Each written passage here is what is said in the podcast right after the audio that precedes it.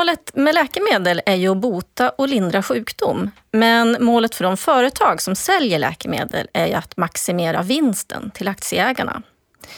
Priset på ett läkemedel sätts av företaget som säljer det, men det betalas till största delen med skattemedel. Den som är sjuk och som ska använda medicinen är ofta helt beroende av att den affären går i lås. Går det att bli en av världens mest lönsamma industrier genom att sälja produkter som sjuka människor behöver? Det här är podden Rådet och jag heter Karin Nordin och jag säger välkommen till Gustav Befrid som är hälsoekonom i NT-rådet. Tack så mycket. Hur är läget? Jo, det är alldeles utmärkt. Ja. Vad skiljer läkemedelsindustrin från andra industrier? Alltså det som skiljer är ju att man säljer en produkt på, på en marknad där du har väldigt stora eh, emotionella komponenter för kunderna eller brukarna kan man säga. Men i övrigt så skiljer ju ingenting alls. De är ju kommersiella aktörer som inte så att säga är goda eller altruistiska på något annat sätt än någon annan stor industri. NT-rådet är ju en expertgrupp som ger rekommendationer till regionerna i Sverige om hur man ska använda nya läkemedel. Mm. Eh, och det är NT-rådet som gör den här podden. Hur påverkar NT-rådet hur marknaden ser ut för läkemedel i Sverige? Vi påverkar ju det genom att försöka använda... Tanken är ju att vi lutar oss mot hälsoekonomiska utvärderingar utav läkemedel där vi ställer då nyttan som de här läkemedlen gör emot eh, det pris som företagen vill ha. Eh, och är den ekvationen tillräckligt gynnsam, ja då rekommenderar vi landstingen att använda de här läkemedlen. Eh, men ibland så är det ju så att priserna sätts på ett sätt som gör att, att eh, nyttan inte riktigt eh, når upp till den prisnivån som företagen har satt. Och då kan det ju hända att vi måste säga nej till att rekommendera de läkemedlen. Och det är klart att de patienterna som då skulle behöva de här läkemedlen blir ju då, kan ju då riskera att bli utan. Så. Eh, och det kan ju vara egentligen två komponenter i det där. Det ena kan ju vara att priset är väldigt, väldigt högt, vilket det ofta är när det gäller läkemedel för väldigt få patienter. Men det kan ju också mycket väl vara så att läkemedlet inte är speciellt bra alla nya läkemedel är inte per automatik jättebra. Det kommer ut en hel del på marknaden som har ganska marginell nytta. Men påverkar NT-rådet lönsamheten för företagen? Inte i någon stor utsträckning. Sverige är en väldigt liten marknad så vi kan inte egentligen påverka de internationella prisnivåerna. Vi, vi gör ju avtal med företagen som gör att, att vi ibland kan få se eh, andra priser än de officiella priserna. Och det är klart att det påverkar väl lönsamheten i någon mån. Å andra sidan kan man ju vända på det och säga det att ha någonting som kostar jättemycket pengar, men om man inte lyckas sälja det, då, då blir det ju ingen lönsamhet alls. Så att det, det är ju en, det är ju två komponenter, det är ju pris och volym i detta. Eh, vi har också med oss Johan Moström. Du är ordförande i Riksförbundet Cystisk fibros, en organisation för patienter och familjer. Och du är pappa till ett barn som har den här sjukdomen. Mm. På vilket sätt påverkas ni av hur lönsamheten ser ut i läkemedelsindustrin? Ja, man kan väl framförallt säga egentligen, eh, nu är cystisk fibros är ju då en, en sällsynt sjukdom. Det är eh, ungefär 700 personer i hela Sverige som har det. Eh, jag tror att det är ungefär 30 000 i hela, hela världen. Så att det är klart att marknadsmekanismen eh, är ju sån att det egentligen är ganska ointressant att forska på sjukdomar som drabbar väldigt få personer. Och en förutsättning för att man ska göra det är ju i så fall att man kan ta betalt så att det ändå eh, blir någon slags lönsam affär. Så att på det viset så, så påverkar ju givetvis våran, hur sjukdomen ser ut. Välkommen också Peter Benson, redaktör för analystjänsten SvD Börsplus. Tack så mycket. Hur ofta placerar du i aktier i läkemedelsindustrin? Alltså vi, vi, vi bevakar hundratals olika börsbolag som, som, som generalister så att säga med, för investerare. Och det är ganska ofta som det är läkemedelsbolag eller framförallt forskande bolag som strävar efter att ta fram nya läkemedel som vi då tittar på. Mm.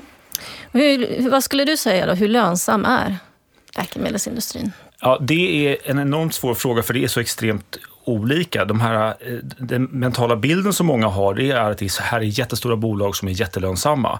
Men, men de som tar fram nya läkemedel, det är typiskt sett små bolag som går med stora förluster för de investerar kanske miljardbelopp i de här nya läkemedlen. Så det är en väldigt tudelad bransch på det sättet. Håller du med om det, Gustav? Ja, det håller jag med om. Eh, och det är förvånansvärt ofta så att det är små företag, ofta spinoffer från, från akademin, som tar fram så att säga grundforskningen. Men sen eh, när det kommersialiseras Eh, då köper ofta de stora drakarna in detta och, och driver det vidare i stora studier och kommer sen ut på marknaden eh, och har ensamrätt då via patent under en ganska lång tid. Så att eh, jag håller nog med att det är en tudelad marknad, men om man tittar till exempel på branschindex så ser man ju att, att, att även om enskilda bolag eh, går ner så, ser ju, så är ju tillväxten i branschen det har ju varit oavbruten de senaste tio åren.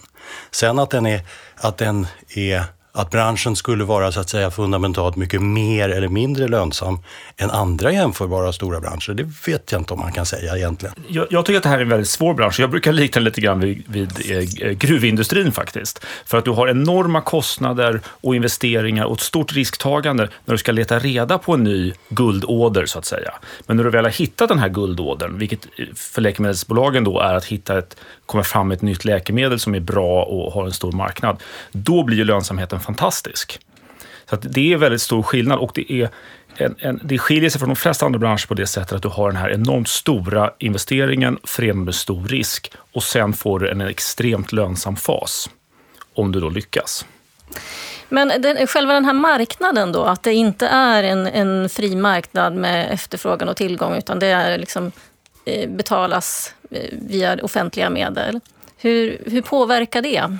Om jag kan säga så här, i och med att du har en, en eh, säljare och en slutanvändare och en betalare som är tre olika, så är det inte samma, det fungerar inte på samma sätt som om du säljer direkt från producenten till köparen och köparen kan välja själv om jag ska köpa den prylen eller den prylen. Så att de normala marknadsmekanismerna för, som sätter priser i, i konsumtionsvarubranscher till exempel, de är ju satta ur spel i, på den här marknaden. Mm. Jag tycker inte riktigt att det stämmer. Eh, det finns ju massvis med branscher som, där det är stor skillnad mellan brukare och betalare och utförare. Om du ska bygga en järnväg till exempel, då är det en helt annan som bygger järnvägen och som, som levererar loken, eh, en som betalar räkningen och sen i tredje hand eh, reser på tågen, om vi säger så. Mm. Däremot är det klart att det är, det är speciella omständigheter som är väldigt, väldigt speciella. Eh, och där man kan väl säga att det är vad som hur den här marknaden funkar eller inte funkar i USA framför allt och kanske Japan och kanske ett par andra stora länder. Det är det som blir styrande för allt annat. Vad, vad, vad som sätts för priser och villkor i små länder som Sverige, det uppfattar jag ganska mycket som en, som en bisak för de här läkemedelsbolagen. Vad är det i USA då som styr? att det är så många, att de lägger så mycket mm. pengar på hälsovård. Mm. Och, och, då blir det hur, hur, hur de amerikanska ersättningssystemen är utformade, där du har försäkringsbolag och, och en helt annan struktur. Det är utformningen där som styr hur bolagen tänker kring prissättning. Och det, det, är en annan logik än vad vi har i Sverige. Och sen så blir det bara då så i kraft av att USA är så stort att det liksom dominerar också. Då blir de andra länderna lite grann en följd, följdeffekt. Man sätter ett pris i USA och sen så vågar man inte avvika allt för mycket i de andra länderna för då blir det parallellimport och massa konstigheter. Mm. I min bild. Men ni har säkert en annan? Nej, ja, det, jag delar nog den där uppfattningen. USA är ju väldigt dominerande, både i, i, i eh, när det gäller prisbild och som marknad, marknadsstorlek och även hur bolagen tänker eftersom mm. de flesta är baserade där. Ja. Så de har ju, och det märker vi ganska tydligt tycker jag i, i våra kontakter med de enskilda bolagen. Det lyser igenom en amerikansk mindset, helt klart. Och de kan väl vara trygga med att eh, det de också kommer fram med kommer att introduceras på den amerikanska marknaden om de bara har kan leverera hyggliga data så, så kommer det att användas i alla fall. Det är inte en, mm. Processen ser väldigt annorlunda ut för att introducera där än, än här. Det gör det. Är det en otrygghet här i Sverige? Nej, jag tror att eh, det är inte så att vi ska snegla på det amerikanska systemet mm. och, och eh, eftersträva att, eh, att få ett likadant system. Det är inte det jag menar. Men det är klart att det är en, en betydligt mer komplex process i Sverige än vad det är i USA.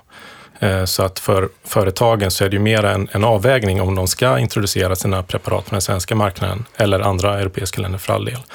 Eh, så att där, där ser man att det ser väldigt, väldigt olika ut i alla fall.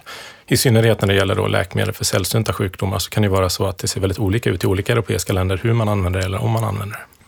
Men Gustav, ehm, är NT-rådet, en ehm, eh, en organisation för att hålla marknadskrafterna tillbaka? Jag skulle nog inte prata om NT-rådet i, i, i de termerna.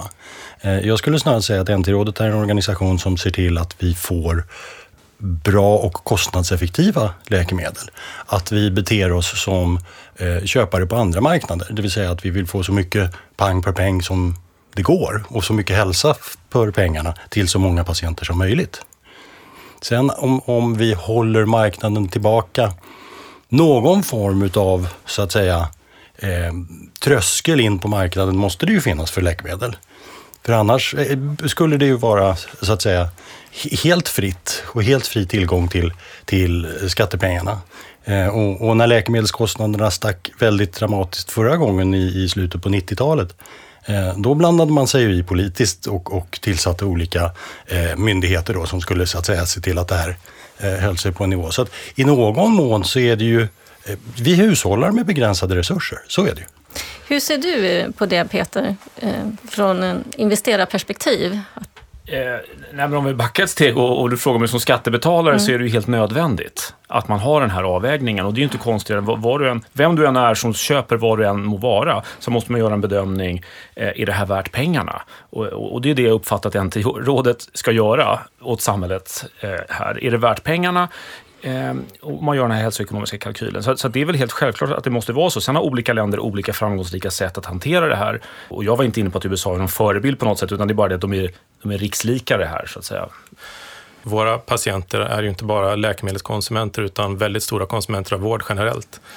Det ligger i vårt intresse att, att vården fungerar som den ska också, att resurser finns för det också. Så det är inte så att vi tycker att man bara ska lägga alla tillgängliga resurser på läkemedel och sen eh, låta budgeten haverera, utan det är klart att det måste finnas mekanismer som, som ser till att det fungerar. Kan du berätta lite grann om, eh, om din son? Ja, men jag kan väl börja bara beskriva vad cystisk fibros är. Det är ju en kronisk medfödd lungsjukdom kan man väl säga kort. Eh, den lite längre varianten är att det är ju en sjukdom som gör att kroppen producerar ett, ett segare slem som påverkar både då lungorna men också andra organ som till exempel eh, bukspottkörteln. Man saknar ofta produktion av matsmältningsenzymer. Det påverkar också levern och många av våra patienter utvecklar diabetes så småningom och sådär. Men det som de flesta dör av är ju så småningom då att, eh, att lungorna förlorar sin funktion. Och ja, för många så är det ju lungtransplantation den enda möjliga utvägen om de inte då ska avlida. Och eh, generellt sett så har ju, eh, ja, om man tittar bakåt så har ju de flesta patienter dött redan i barndomen. Eh, Medan vi nu ändå, då, glädjande nog, ändå ser att, att eh, medelåldern går uppåt. Man kan ju titta på hur, hur det ser ut i en del andra länder, till exempel om man tittar på Moldavien vet jag till exempel, där är ungefär 90 procent av patienterna under 18 år. Medan i Sverige så har vi nu ungefär 60 procent av patienterna som är över 18 år, vilket då säger en del om vad den redan befintliga vården kan göra för skillnad för våra patienter. Men man dör i förtid? Ja, eh, även i Sverige då? Eller? Ja, obehandlad så dör man definitivt i förtid, men även nu har vi patienter som, som avlider i 20-årsåldern och eh, om man tittar på våra äldsta patienter är ju någonstans runt 45-50-årsåldern och nästan alla de är ju då eh, lungtransplanterade, de som fortfarande lever. För alla som föds med den här sjukdomen eller har barn som har fötts med den här sjukdomen så, så väntar man ju hela tiden på att det ska ske framsteg inom forskningen så att det kommer någon behandling som gör att man helt enkelt kan få det här att gå från att vara en, en dödlig sjukdom till en kronisk sjukdom man bara får leva med helt enkelt, men som man ändå kan leva ett, ett normalt liv med. Hur yttrar det sig för din son? Eh, ja, dels är det ju då en omfattande medicinering, eh, men då eh, symptombehandlande medicinering och sen så inhalerar man eh, slemlösande morgon och kväll och behöver då göra viss sjukgymnastik för att försöka få upp det här slemmet ur lungorna för att frigöra det. Då. Det blir givetvis tidskrävande och också kräver en hel del ansträngning för att orka hålla i de här rutinerna också. Eh, och sen så är i princip alla våra patienter, inklusive min son, och liksom har lite svårt att hålla vikten eftersom bukspottkörteln inte fungerar som den ska riktigt. Så att det är väldigt viktigt med kosthållningen och Eh, Eh, ja, det är helt enkelt det är väldigt mycket rutiner man måste tänka på hela tiden så att den här sjukdomen finns väldigt närvarande och det gör ju att även våra minsta patienter, även om de bara är i 9-10 års åldern, så är de väldigt medvetna om, om sjukdomen de har och vad den innebär och vad den kan få för konsekvenser helt enkelt. Och jag tror att det är det som kanske också har yttrat sig lite för oss när det då blir en diskussion kring introduktion av nya läkemedel att eh, våra patienter har en oerhörd ångest för den sjukdomen som de lever med eh, och har hela tiden burit med sig hoppet om att det ska komma en lösning. Så att när det då syns någonting på horisonten så blir förväntningarna oerhört höga. För nu har det börjat hända lite saker då, mm. på det här området. Det har, det har kommit, eh, eller det kommer flera nya läkemedel ja. som är ganska dyra. Och ja. Hur försöker ni att påverka prissättningen? Ja, vi kan väl egentligen inte påverka prissättningen. Eh, om man tittar på hur själva introduktionsprocessen ser ut så är väl vi kanske de som vet minst om vad de faktiska priserna är. Vi vet ju vad, vad, vad de officiella priserna är och vi vet ju hur prisbilden ser ut i USA då. Eh, men sen när, när själva förhandlingsprocessen går in i ett mer intensivt skede i Sverige, då vet ju inte vi exakt vad det är som sägs i de förhandlingarna och vi vet ju heller inte slutresultaten av de förhandlingarna för att de siffrorna är ju konfidentiella. Eh, så att exakt vad prisbilden faktiskt är vet ju inte vi. Det blev ju eh, det kom ju ett läkemedel som heter Orkambi. Då. Det, det är väl det som eh, vi tänker på här. Och eh, då blev det en slags förhandlingssituation mellan företagen och eh, det offentliga. Vad gjorde ni då? Ja, dels så gjorde vi en insats där vi samlade in berättelser från våra medlemmar. där de fick berätta helt enkelt om hur deras vardag ser ut, hur deras liv ser ut eh, som vi spred i sociala medier, som vi skickade till beslutsfattare. Eh, och vi skrev debattartiklar och vi försökte få ja, våra patienter att kunna vara med i olika medier för att berätta sin livshistoria helt enkelt.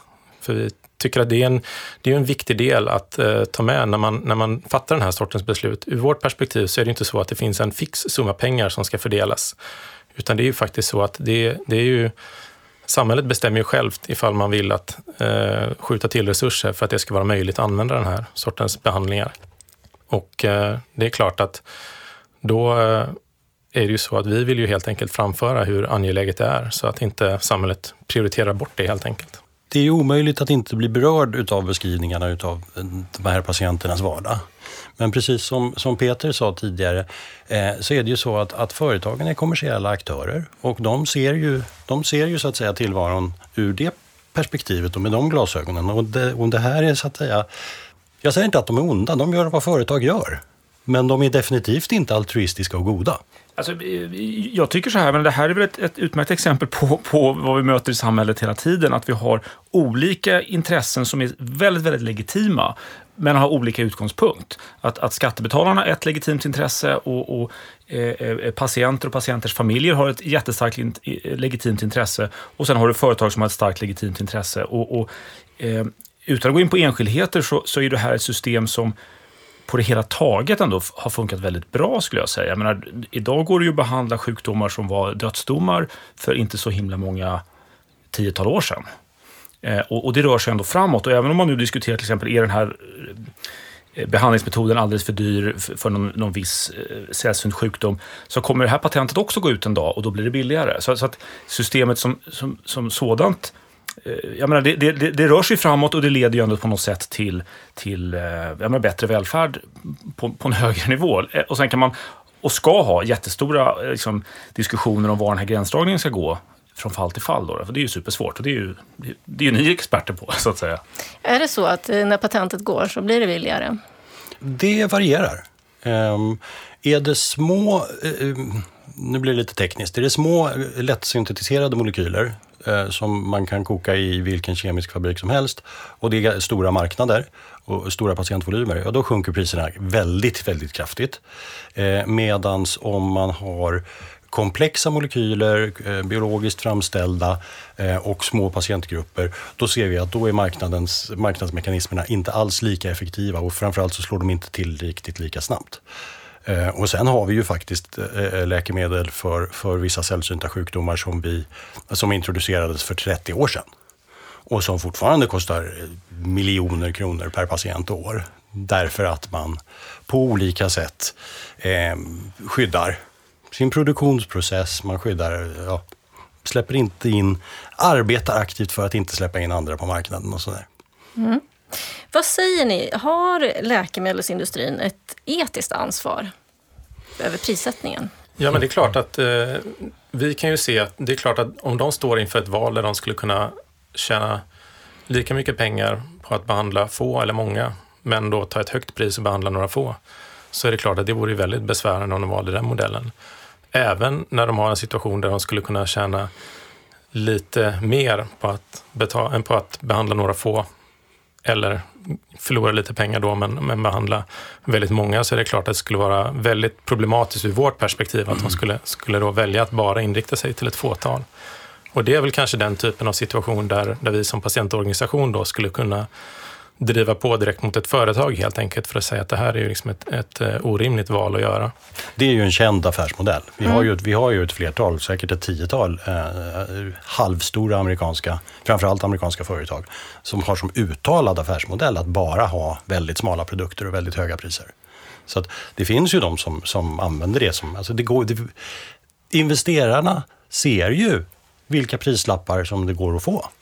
Mm. Och jag menar, vår betalningsvilja, även om priserna inte är helt och hållet kända eh, eh, alltid, så är ju vår betalningsvilja är ju en signal för, ja men det går för den här patientgruppen som är, som är så här liten och med så här svår sjukdomsgrad, så går det att ta de här priserna. Men jag är lite mer orolig faktiskt över att systemen är gjorda så att man redan långt tidigare, kanske tio år innan lansering, då gör man ett vägval på vad man ska forska på. Och då kanske man forskar på det som blir kroniska behandlingar snarare än att bota. För bota, då kan du sälja behandlingen en gång. Är det kroniskt så är det varje dag resten av någons liv.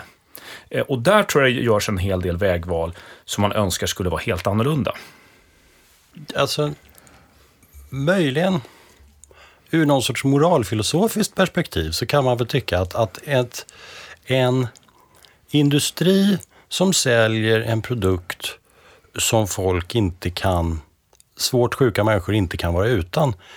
Ja, i någon mån har de väl något, an, något etiskt ansvar. Att inte fullständigt skinna marknaden. Sen tror jag att det kommer ju att ställa en hel del utmaningar på, på ersättningsmodellerna framför allt, eh, där man kommer att vara tvungen att eh, hitta mekanismer för att ersätta nyttan i större utsträckning. För att om jag då tittar på cystisk fibros som ett exempel då, så är det ju en sjukdom som sagt som ser väldigt olika ut hos olika patienter och dessutom orsakas av en en mängd olika mutationer eh, som dels kräver sin lilla speciella mekanism i behandlingen men sen också då innebär att nyttan blir väldigt olika beroende på, på vilken patient det är man behandlar.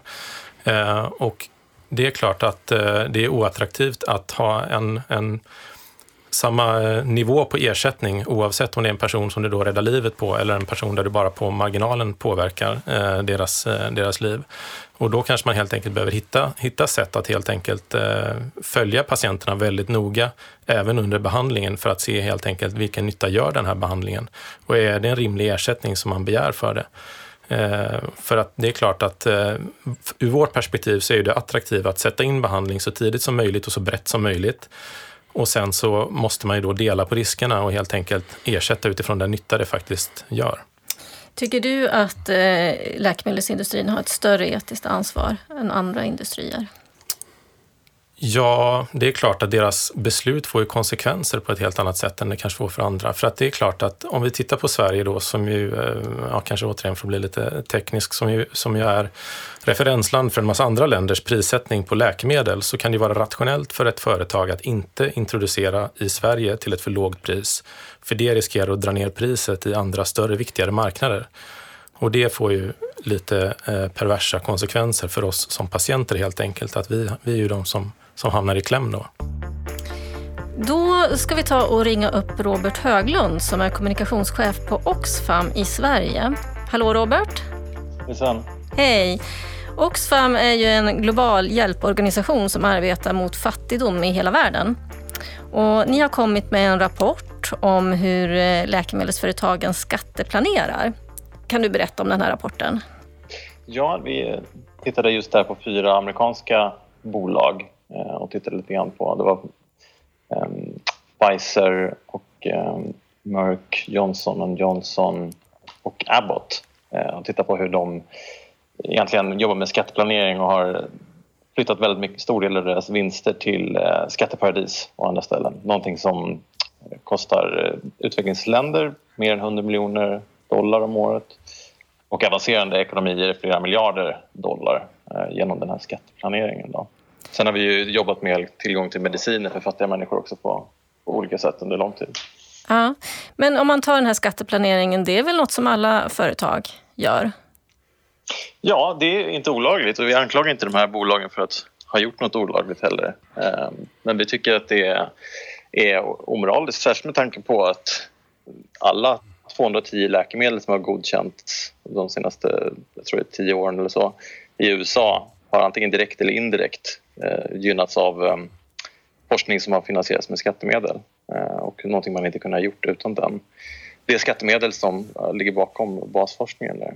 Eh, och att se till att företag betalar en rättvis andel av skatt är också en väldigt viktig del att bekämpa fattigdom. Om man tittar på 100 miljoner dollar, inte jättemycket som de här utvecklingsländerna förlorar men det skulle, också räcka, det skulle räcka till eh, eh vaccin mot HPV-viruset för 8 miljoner flickor i Indien. Eh, det skulle vara 65 procent av en, en årskull eh, som då inte skulle behöva drabbas av livmoderhalscancer exempelvis. Så det är ändå pengar som spelar stor roll för utvecklingsländer. Eh, I den här rapporten så beskriver ni också hur, um, hur vinsterna används. Läkemedelsbolag brukar ju prata om att de behöver ha väldigt höga priser för att de satsar väldigt mycket på forskning också. Eh, och det gör man ju, men man satsar ännu mer på dels marknadsföring.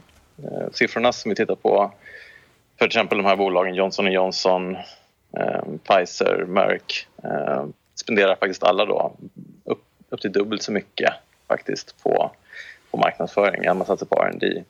Och dessutom så satsar man mer på utdelning till aktieägare, belöningar till höga chefer och tillbakaköp av aktier än man satsar på R&D. Så där har du två stycken jättestora kostnadsposter eh, som ja, helt tillsammans blir väldigt mycket större än utvecklingskostnaderna.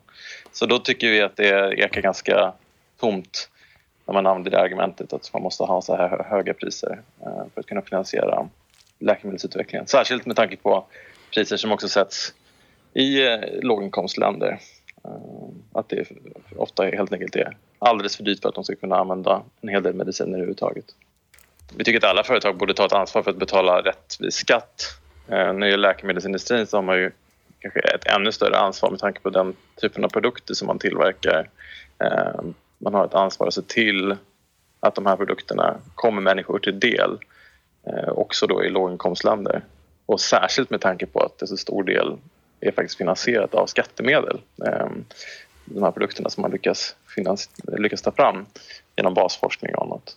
Eh, så det, absolut, det har man verkligen. Är det någon här som vill eh, kommentera det, Robert? Nej, inte annat än att, att väldigt aktuellt är ju, är ju årets, eller förra årets eh, Nobelpris som ju har lett fram till, till eh, behandlingar som introduceras just nu och som forskades fram eh, för ja, 20-25 år sedan eh, och som de facto bevisligen i väldigt hög utsträckning var skattefinansierad. Så att eh, det, det stämmer ju. Det, det finns ju väldigt många exempel på det.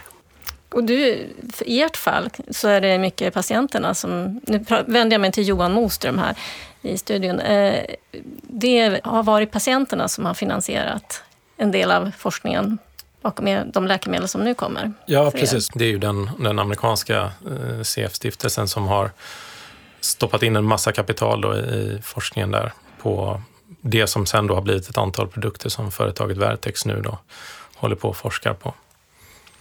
Eh, och det blev ju en god affär för den eh, stiftelsen såklart också. De har ju sålt av de rättigheterna. Så det, vi har en rik systerstiftelse i USA. Mm. Men jag kan väl bara också ja. flika in där att det är klart att vi eh, efterfrågar en mycket större transparens kring hur mycket pengar det är som går till forskning. För att det, det är klart att eh, vårt perspektiv på den här typen av, av prissättning är ju givetvis att vi ser ju det ur ett mycket längre perspektiv än att det bara är just den här behandlingen och vad det kostar att behandla just det här året. Eh, för att vi vet ju att det eh, framöver kommer ytterligare generationer och bättre behandlingar och som kanske helt enkelt då kan, kan göra att det här blir en, en sjukdom som är ganska lätt att behandla på sikt. Och därför är ju vi angelägna också om att man då inte skickar eh, signalen att de här läkemedlen kommer ändå inte användas, så det är ingen idé att forska mer. Utan det är klart att det är ju det som, som ligger i vågskålen för oss också. Att eh, ifall de inte introduceras alls, då kommer ju den forskningen givetvis att stanna av på sikt. Men eh, eh det förutsätter ju också att, att pengarna faktiskt används till forskning eh, och att på något vis att eh, priserna ändå står i någon slags rimlig relation till vad det faktiskt kostar att forska. Ehm, jag vill bara, eh, apropå det som Johan säger och lite apropå det Robert sa här, så, så det, det, liksom det, det framskymtas här, så när, när Robert beskriver det här så kanske någon tror att att, att läkemedelsbranschen ser ut på ett visst sätt som jag tycker är lite felaktigt. Eh, för att eh, det är som om man skulle gå in på Spotify och titta överst på topplistorna och så ser man eh, Ariana Grande eller någonting sånt här så tror man att alla artister tjänar jättemycket pengar. Så är det inte, utan, utan eh, när man pratar om de här stora läkemedelsbolagen som tjänar väldigt mycket pengar, då tittar man på några få vinnare. Och som, och, och, eller enskilda läkemedel som Orkambi som då är vansinnigt dyra. Då tittar man återigen på några få vinnare som liksom har lyckats hitta den här då, eh, guldådern eller hitten. Men bakom varje vinnare så finns det kanske tio förlorare som har plöjt ner oerhört många, mycket pengar i utveckling som inte har lett någon vart. Så, att, så det, blir, det blir en felaktig bild om man tittar på vinnarna och säger att de här har det för bra. Eh, Eh, vi måste göra det sämre för dem. Det, det kommer inte vara ett bra sätt framåt eh, för världen, om vi säger så. Nej, om jag får flika in där. Eh, Oxfam håller med. Då. Det kom en högnivåpanel eh, om tillgång till mediciner från FM eh, som presenterade sina slutsatser i september 2016. Eh, där man bland annat då pekade på att dagens modell för forskning och utveckling, R&D är egentligen fungerar inte särskilt bra utan behöver reformeras. Ehm, där stater också i högre grad går in med medel och med olika typer av incitament eller partnerskap med läkemedelsbolag ehm, kan ta fram nya mediciner.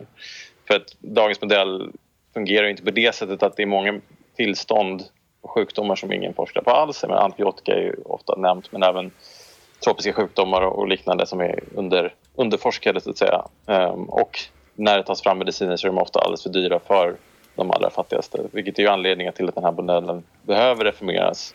Det kan inte bara lämnas till företagen utan då behöver också staterna gå in, eh, skapa nya samarbetssätt och också finansiera större delen av forskningen. Så det är någonting som vi håller med om som den här högnivåpanelen, FNs högnivåpanel också la fram. Okej, eh, då vill jag säga jättestort tack till dig Robert Höglund på Oxfam i Sverige.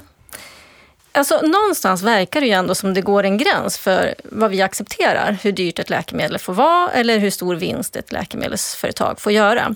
Och då tänker jag på en affärsman i USA, Martin Shkreli, som eh, han köpte upp ett läkemedel som bland annat används av personer med HIV. Och sen chockhöjde han priset med flera tusen procent. Och syftet var att maximera vinsten för aktieägarna. Och han har ju kallats USAs mest hatade man efter det här. Eh, men det var väl inte olagligt, eh, förstår jag. Men var det okej? Okay? Nej, det var naturligtvis inte alls okej. Okay. Och det är säkert helt motiverat att kalla honom för eh, den mest hatade personen. Och det här är rena gangsterfasoner. Att du tar ett läkemedel som hade ett visst pris som då sattes för att man tyckte det var rimligt och då, då hade man finansierat eh, eh forskningsinsatsen och fick en vinst på det och sen så mm, eh, mångdubblade han priset. Och det här finns många andra exempel på det, det är inte bara han. Men det här är ju ett oskick Eh, och, och, nu låter jag som att jag tycker att allting är så himla tippentoppen, men, men jag tycker ändå, liksom, medskicket är ju ändå att, att det här fick, blev ju en enorm storm och eh, min amatörbild är åtminstone att man i USA försöker slå ner på den här typen av, av totala misstag i systemet. Ja, du sa just misstag i systemet. Alltså anledningen till att det här överhuvudtaget hände var för att det gick. Ja, och, och, det är ju ett, ett hål som då naturligtvis måste, måste täppas igen. Eh, men, men det ska man ju veta att, att läkemedelsindustrin och läkemedelsforskning, men framförallt juridik kring läkemedel, är ju ett snårträsk av Guds nåde. Och eh, att, att företag utnyttjar olika kryphål och, och, försöker förlänga patent trots att det inte går med olika eh, juridiska abrovinklar, det, det är ju en jättestor del. Så att nu har vi mest pratat forskning och framsteg, men, men industrin eh, och, och, en del bolag mer än andra ägnar sig ju åt väldigt mycket patent och, och andra juridiska eh, övningar för att, så att säga, bibehålla sina intäktskällor över längre tid. Eller som i det här fallet då, eh, fullständigt maxa ut. Men, men jag tycker så här, eh, jag skulle aldrig ta en sån här person i försvar, men, men, men för att få en bättre tillvaro för oss alla så handlar det om att det offentliga Eh, måste vara mycket smartare. Eh, och tyvärr då så är det ju inte i våra händer att styra över det amerikanska sjukvårdssystemet, för det är mycket härifrån det liksom agendan sätts. Men, men det är upp till det offentliga att, att tajta åt och omöjliggöra sådana här eh, liksom grova övertramp, då, även om de är lagliga. Liksom. Tack så jättemycket. Det blev ett väldigt bra avslut. Jag säger stort tack till Gustav Befritz, hälsoekonom i Antirådet, Johan Moström, ordförande i Riksförbundet Cystisk fibros och Peter Benson, redaktör för analystjänsten SvD Börs Plus. Rådet är en podcast från NT-rådet. NT-rådet ger rekommendationer till landets regioner om hur nya läkemedel ska användas. Information om NT-rådet hittar du på www.ntrådet.se.